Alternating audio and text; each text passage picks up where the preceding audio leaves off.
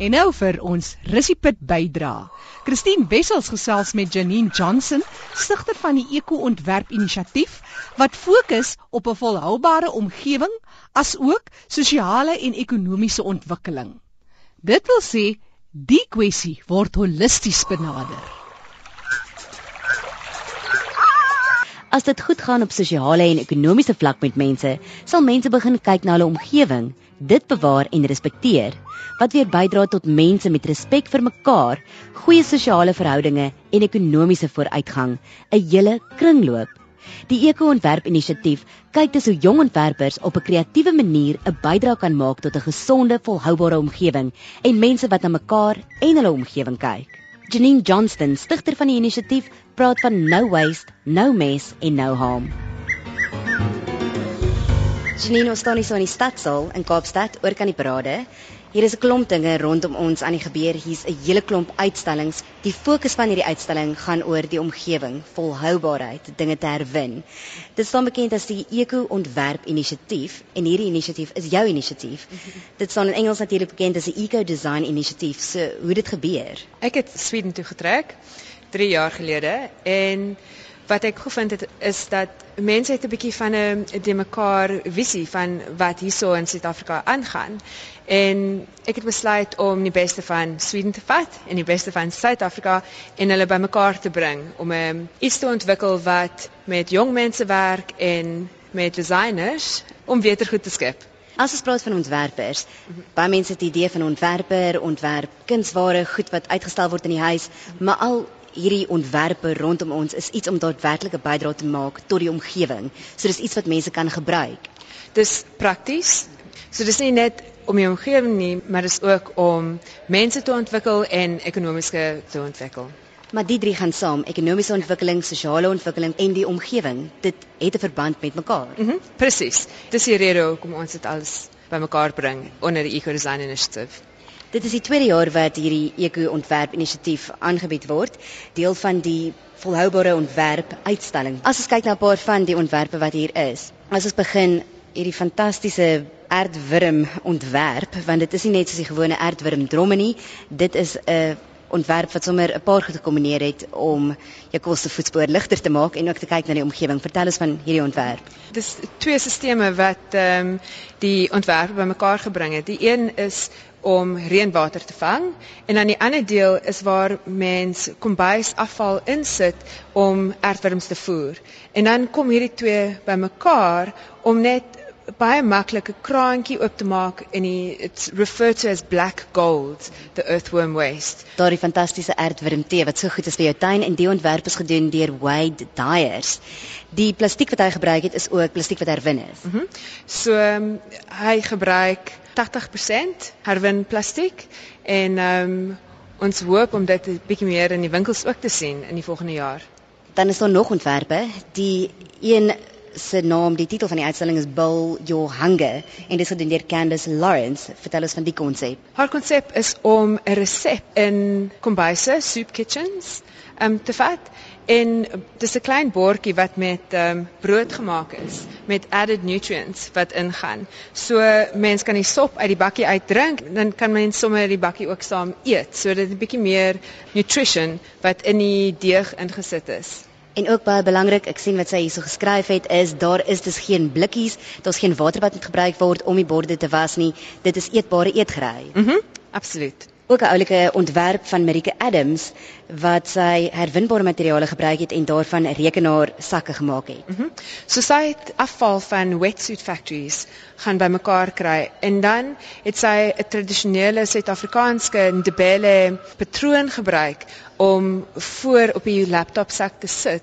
En dit is baie oulik want ehm um, en ek kan baie goeie werkmoontlikhede ook skep. Ja? Hierdie duikpakke is natuurlik 'n groot probleem want wat maak mens daarmee en heelwat branderplankryers en duikers sal weet dat jy gaan maar deur 'n paar daarvan en soos jy sê esteties ook baie mooi definitief 'n baie oulike ontwerp ook interessant wat my oog gevang het is Run Again dis van Ute van Wyk wat sy hierdie interessante skoene gemaak het. Mm -hmm. So sy het gekyk na hoe ons met ehm um, ou car tyres kan herwin en dan ook met handwerk te werk om skoene te skep wat vir klein mense so so die kinders wat in ehm um, townships soos Kailicho, hulle Langa ehm um, woon, dat hulle ook skoene nodig het en dan dis baie maklik om hierdie goedjies bymekaar te sit.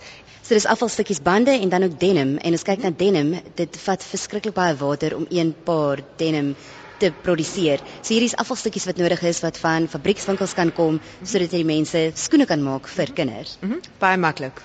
Daar is ook 'n digitale afdeling van die uitstalling. As ons kyk na sosiale netwerke, dis 'n goeie platform vir jong ontwerpers of vir mense wat graag 'n impak wil maak in hulle omgewing om die boodskap te versprei van wat op hierdie stadium aangaan op ons planeet Aarde. Vertel ons van Fig Tree. Mm, so Fig Tree is 'n is 'n nuwe social network en wat die ontwerper wil doen is om besigheid, jong mense almal bymekaar te kry om die boodskap uit te kry. En dis iets wat in ons in our everyday life this is something that's become part of the way that we communicate um, as a community.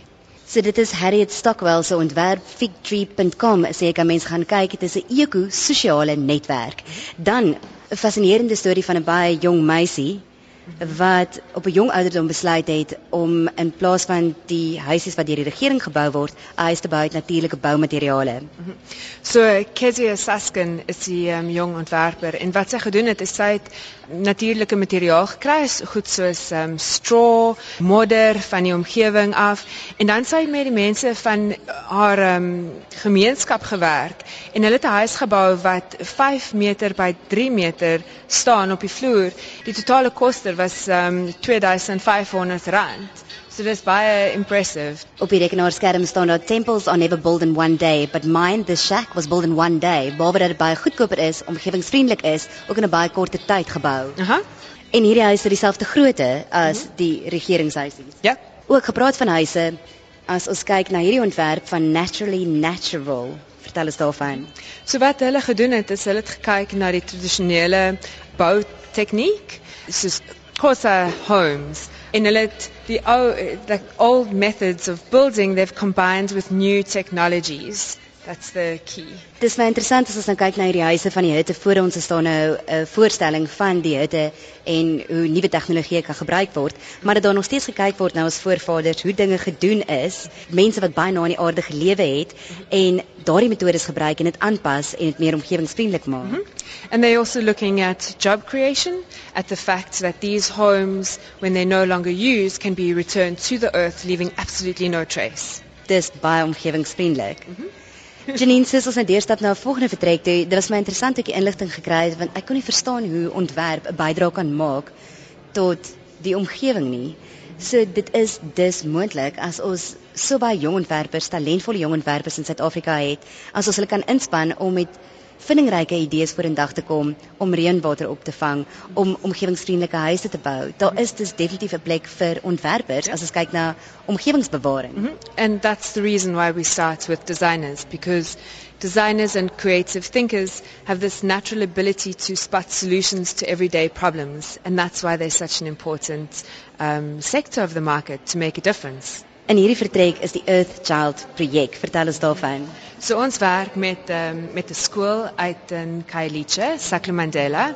En wat ons gedoen het is ons het eers begin met 'n investigation. So ons het met die kinders by die skool gewerk en vir hulle puppet shows gedoen en hulle het vir ons puppet shows gedoen. Ons het vir hulle disposable cameras gegee en hulle het foto's geneem van hulle om, omgewing en ons het al hierdie inligting gebruik vir ons fresh talent, so die finaliste van die kompetisie om met 'n um, span van Sweden bymekaar te kom.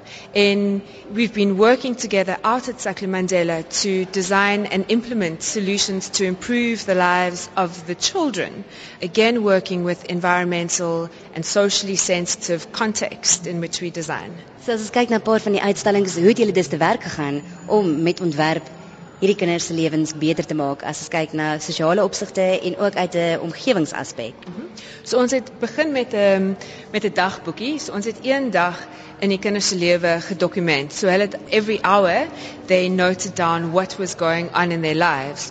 Ons het dan ook vir hulle die disposable kameras gegee en hulle het daai kameras gevat in hulle huisomgewing, skoolomgewing, ehm um, fotos geneem wat ons spanne dan gebruik vir inligting um so that what we design is relevant to what the needs are.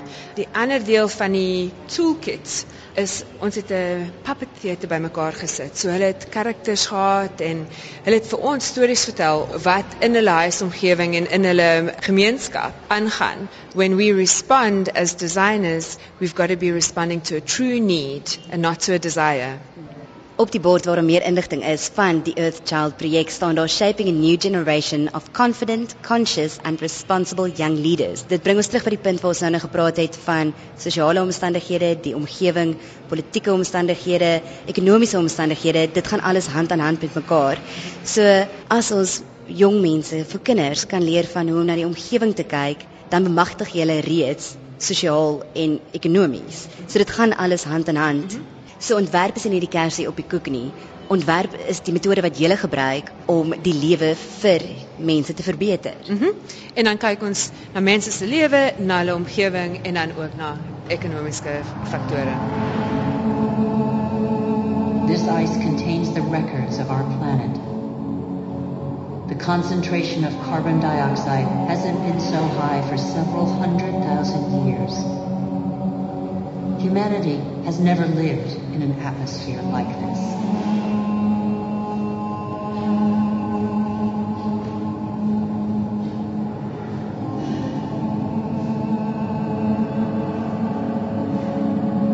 Is excessive exploitation of our resources threatening the lives of every species? Climate change accentuates the threat. By 2050, could be threatened with extinction. Teen 2050 kan 'n kwart van die aarde se spesies bedreig wees.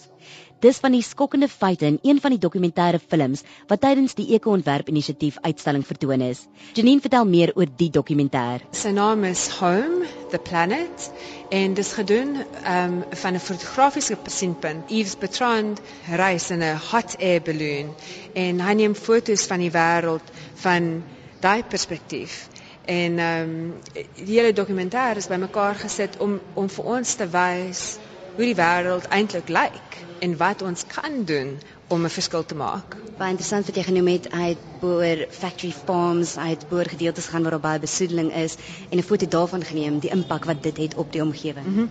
En deel van die fliek is eintlik baie baie mooi.